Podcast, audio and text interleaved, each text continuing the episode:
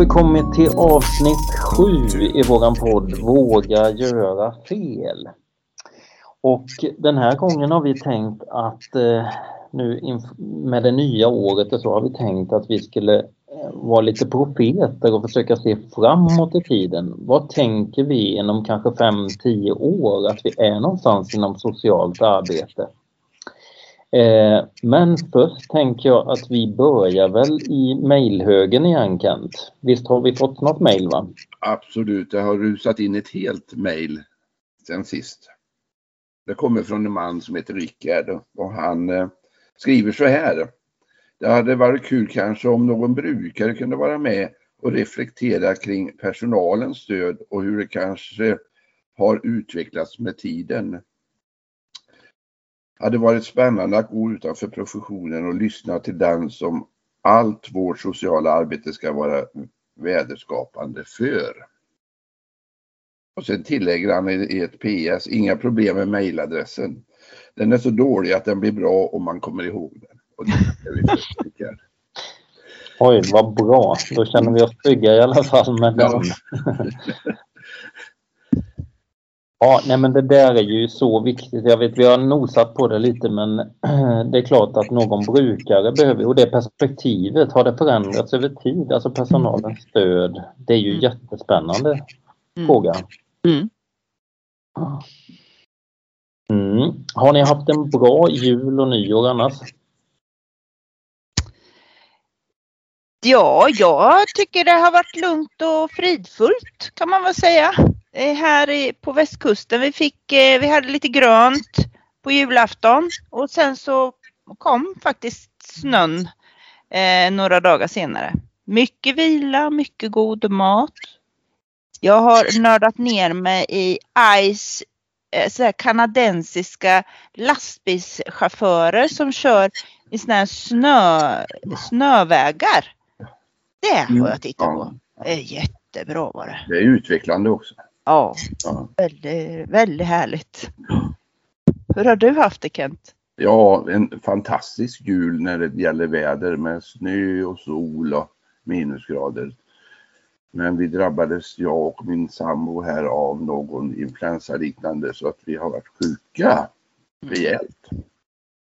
Men vi är på bättringsvägen och räknar med att tillfriskna lagom till påsk. Mm. På vårsolen. Mm. Precis, det hörs lite på din röst där Kent, att det hänger kvar lite va? Ja, det har mm. varit uh, en otrolig trötthet. Vi har lämnat in prov på covid men vi får inga svar. Det är tydligen halva Sverige som har lämnat in. Mm. Andreas då? Jo, men jag har haft en ganska lugn, trevlig jul och nyår. Så att eh, nej, jag känner mig jättenöjd och är tillbaka här igen på jobbet och det känns väldigt bra. Jag tänkte lite Magda där på de här, vad heter de, Ice Road Truckers. Tror ni att de ja. vågar göra fel? jo men när de står där och vet om inte isen håller eller inte så kommer de där med 27 ton och ska åka över is som de inte vet om någon har mätt på 100 år och solen det plaskar i vattnet. Då måste de, då, då har de, åker de med, med dörren öppen för att de ska kunna hoppa ut om man åker under isen. Så ja, jag tror de vågar göra fel annars hade de inte åkt genom de där vägarna och skogarna och isarna. Ja, men precis, det låter som en risk, riskmoment ja. Mm. Men eh, om vi ska prata lite om oss då, vågar vi göra fel?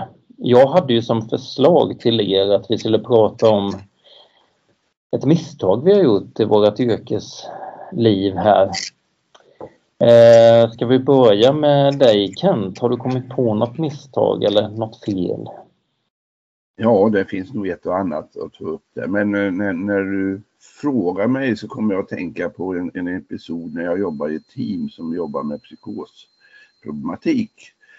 Eh, och eh, vid ett hembesök där träffade jag en familj som var lite negativa till psykiatrisk hjälp och vård. Men våra team kom dit och eh, vi träffades och jag åkte hem och På morgonen vaknade jag och då frågade min dåvarande fru vad är det för skor du har tagit med dig hem?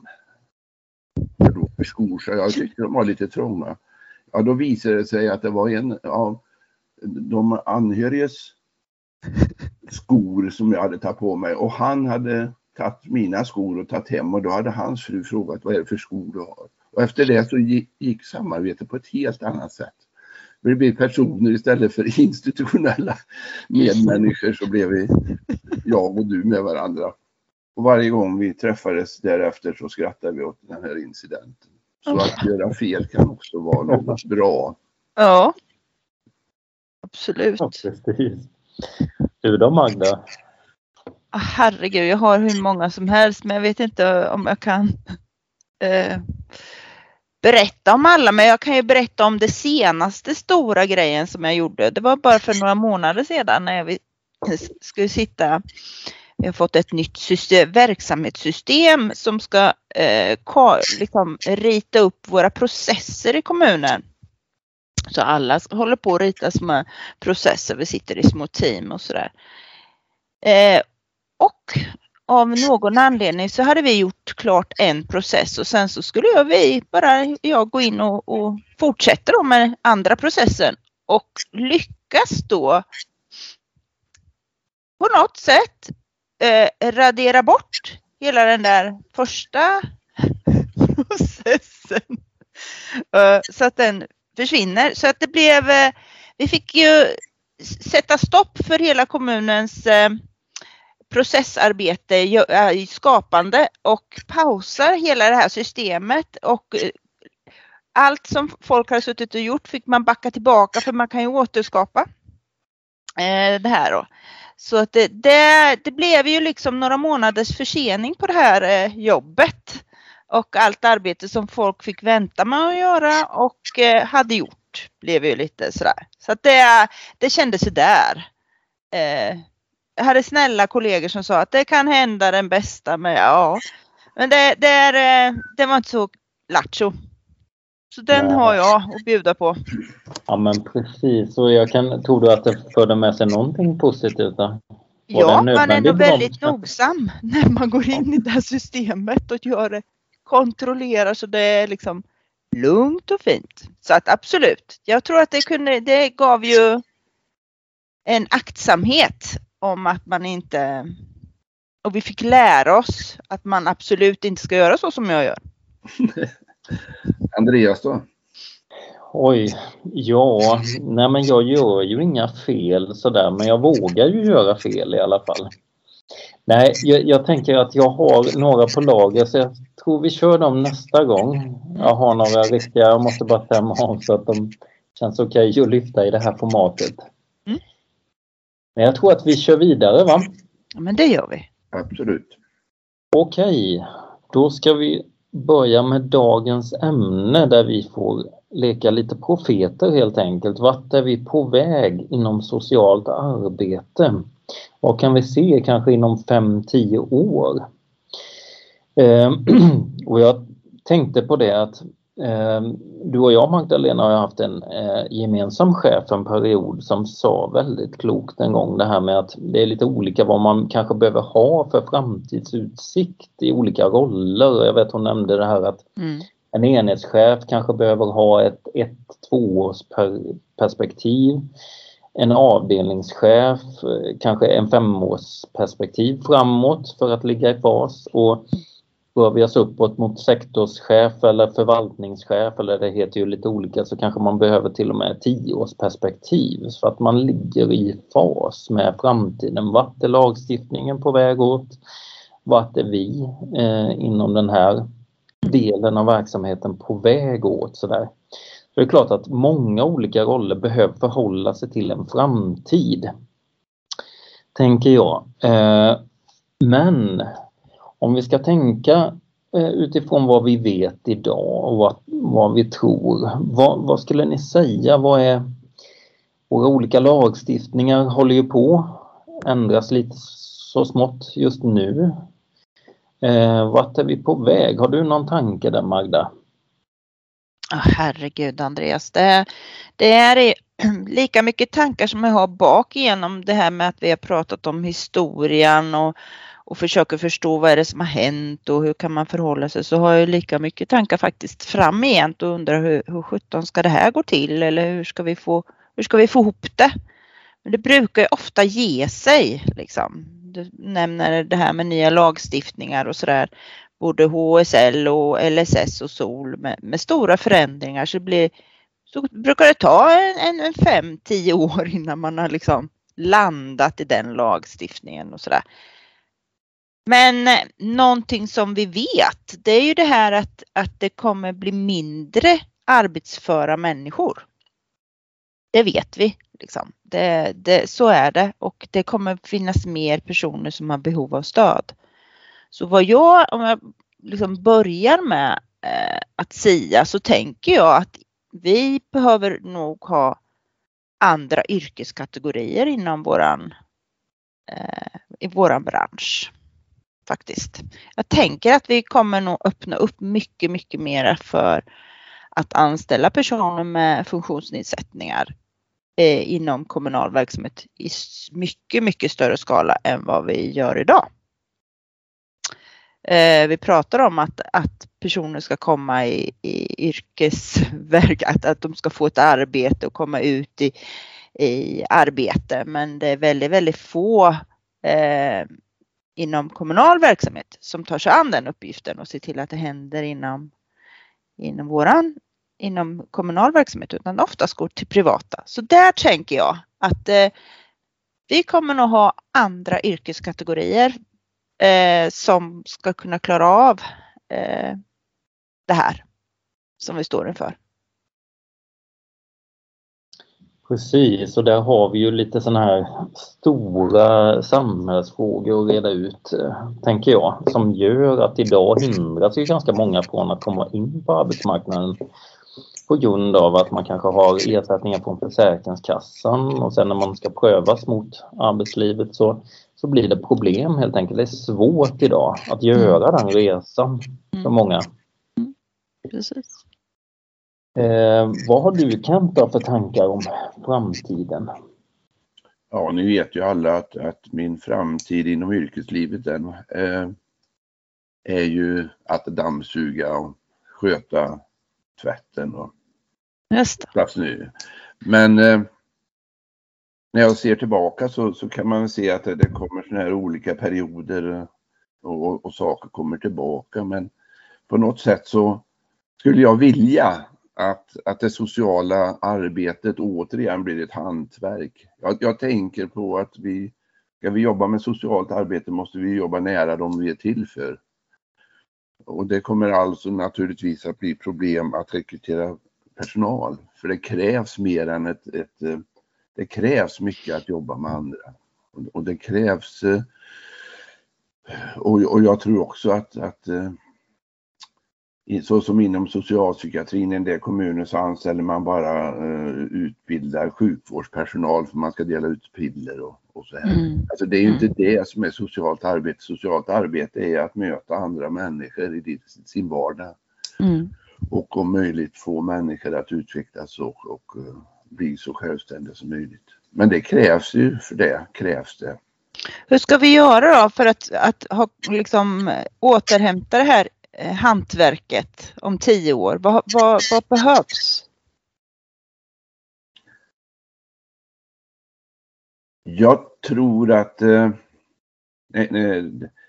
det, det, är personer som verkligen har gjort skillnad i, i, när jag har jobbat med, med personal är ju människor som har ett, ett eh, de har ett, ett genuint intresse för andra människor och, och de kan också reflektera över sig själv och förhålla sig på olika sätt utifrån individ.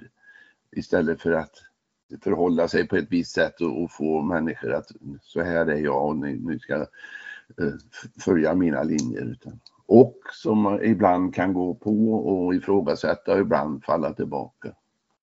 Ja, det har jag varit inne på flera gånger att vi inte kan inte följa ett schema och alla ska göra lika. Nej. Kan det alltså med andra ord vara klokt att titta på andra yrkeskategorier? Kan det vara andra som är lämpliga liksom? Absolut, absolut. Men en annan sak då, om vi behöver mer människor i arbetsför ålder, kan man göra som du och gå i pension redan vid 65 då? då?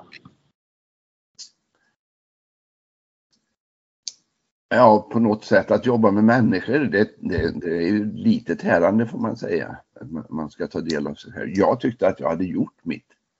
Och sen träffade jag ju dig Andreas och du, du får ju ta över mitt gebit. Så att jag, jag kände att nu har jag fått en lärjunge som ska föra mitt värv vidare i livet. ja. Precis, men det är ju en fråga som debatteras ganska mycket nu ju. Det vill säga, kommer vi kunna liksom, det kanske behövs längre? Absolut, eftersom vi inte börjar jobba oftast nu förrän i 25-30 års åldern så, så är det såklart och att vi lever mycket längre. Så, så är det såklart så. Men det kanske skulle vara antal år som du har arbetat som gör vilken pensionsålder du har istället för, mm. för, för hur gammal jag är. Och eh, för, för många känns det ju helt eh, onaturligt att gå i pension. Men för mig kändes det jättebra. Mm. Jag hade gjort mitt tyckte jag. Mm. Det är väl när man kommer till den punkten liksom. Nej men jag, jag är ganska nöjd med det jag gjort och jag kan nog backa eller luta mig tillbaka. Ja. Fast det skulle jag kunna säga, även fast jag har massor år kvar så skulle jag nog kunna tänka mig att göra det bara. Det, det räcker nu, jag har gjort ja. mitt. Ja. Det är dags för andra att ta vid. Men om man tänker på det där och tar vid, då, vad är det som händer Andreas? Hur ser det ut om tio år då vi har nya lagstiftningar och saker? Ja men precis, om vi ska kolla lite på vad vi ser inom olika områden. Eh, LSS-delen, eh, om vi börjar där, så ser ju jag det som tonar upp sig just nu i alla fall, det är ju att man kan se att boendestöd ökar väldigt, väldigt mycket. Eh, vi ser fler personer med det man brukar säga samsjuklighet, alltså att man hamnar inom det vi har varit inne på, man kanske både har ett missbruk, en psykiatrisk diagnos och en LSS-tillhörighet. Ehm, och jag tror eh, också just det här att få bostad med särskild service kommer vara mycket, mycket svårare eh, framöver. Det är väl vad jag kan se utan att ett annat typ av stöd kan jag tänka mig eh, kommer ske inom LSS-området och man ser ju det egentligen i LSS-utredningen som kom för några år sedan nu. Att man tittar på det här med till exempel boendestöd kopplat till LSS-lagstiftningen istället för socialtjänstlagen som det är just nu då. Så det är väl någonting som jag kan tänka mig att man kommer driva igenom andra frågor. kommer man att kunna få boendestöd då enligt LSS och enligt SOL. Och då ja, man, kommunerna ha olika verksamheter då eller? Det, det, är ju en spännande fråga hur, hur vi löser det rent organisatoriskt, eh, speciellt i kommuner där det är uppdelat. Va? Då kan det ju bli problematiskt. Eh, men man har väl sett framförallt behovet där. Eh, just av en annan typ av stöd helt enkelt ja, inom psykiatrins kommunala verksamhet så är ju boendestödet det avgjort största och man bygger inte alls institutionsliknande bostäder eller klumpar ihop människor på några boenden så som man gör inom LSS. Ja men precis. Och sen har ju assistansfrågan har ju dryftats väldigt mycket. Eh, det vågar man ju nästan inte sia om just nu för det har ju Nej. varit både allt ifrån att nästan dra in den eh, för väldigt, väldigt många människor eh, och skapa istället kommunala insatser har ju varit på förslag. Eh, till exempel för barn eller för de med väldigt mycket utmanande beteende och så. Sen har det ju kommit annat som pekar på att den blir mycket mer frikostig med stödet. Så att assistansen lämnar jag lite därhän faktiskt. Mm. Ehm, jag kan tänka mig att ja, men det är väl framför allt just det här med ett annat typ av stöd. Att vi, att vi idag Just det har varit mycket fokus på grupp och servicebostäder där vi kanske snarare ser att man behöver stöd i sitt eh, liksom, ordinarie hem mm. som jag har fixat på egen hand. Och där har vi egentligen ingen bra eh, LSS-insats idag. Mm. Det tänker jag väl är framtiden där. Jag tänker att allt det här tyder på liksom att man, man ska jobba förebyggande. Alla de här tre lagstiftningarna. Som vi rör, alltså det, det ska, eller förebygga, man ska jobba med hälsa från punkt, från dag ett när man föds och sen så tills man dör. Det är det som det liksom konsens, alltså det stora övergripande arbetet kommer att bli. Det är att inte jobba med akut 112 utan vi kommer att jobba förebyggande. Då måste man bygga upp en helt annan organisation tänker jag. Det blir, det blir ett tag innan det blir virrigt och sådär innan man hittar det där. Men Jag tänker i det här så behöver vi ju som Rickard eh, pratar om i, i brevet eller som han skrev till oss, alltså brukarna tror jag kommer ha mycket, mycket större eh, inflytande om 5-10 år. Då har FN-konventionen kommit in och vi har kanske till och med fått en myndighet som, eller som, som bevakar på ett annat sätt än idag eh, rättigheter och eh, vi har ju Myndigheten för delaktighet. Jag tror att det, det, det, liksom, det kommer att bara öka på och då ser vi att vi kommer att arbeta kanske mer med eh, jämsides med varandra. Personal, eller vi, och eh, de som vi ger stödet till.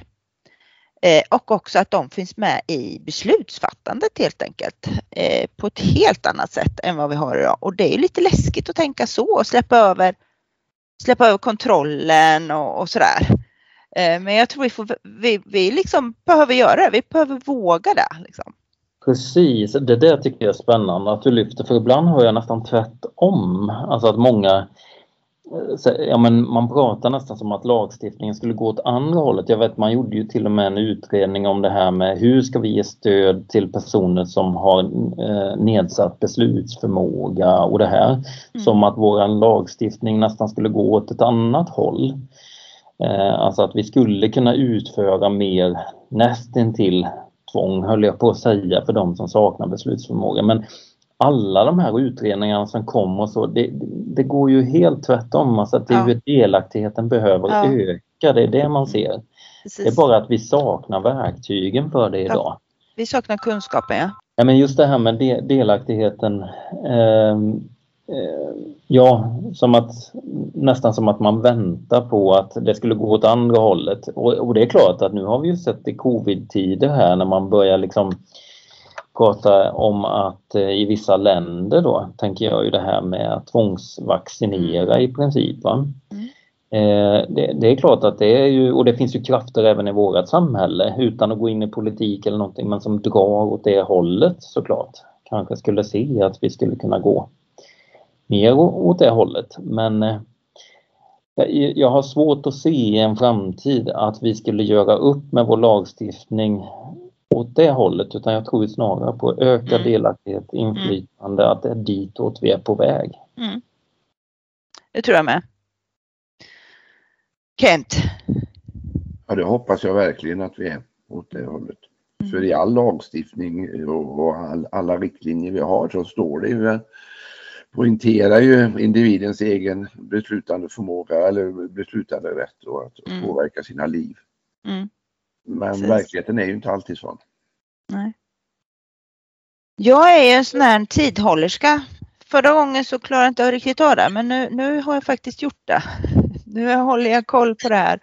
Och innan vi har, liksom slutar det här, för vi har sagt att det ska vara lite igångsättande tankar och lite provocerande och lite, det ska hända saker och sätta igång saker till diskussion eller reflektion eller tankar så vill vi ju gärna uppmana om det är någon som själv har en funktionsnedsättning och som har fått stöd ifrån socialtjänsten eh, att kontakta oss.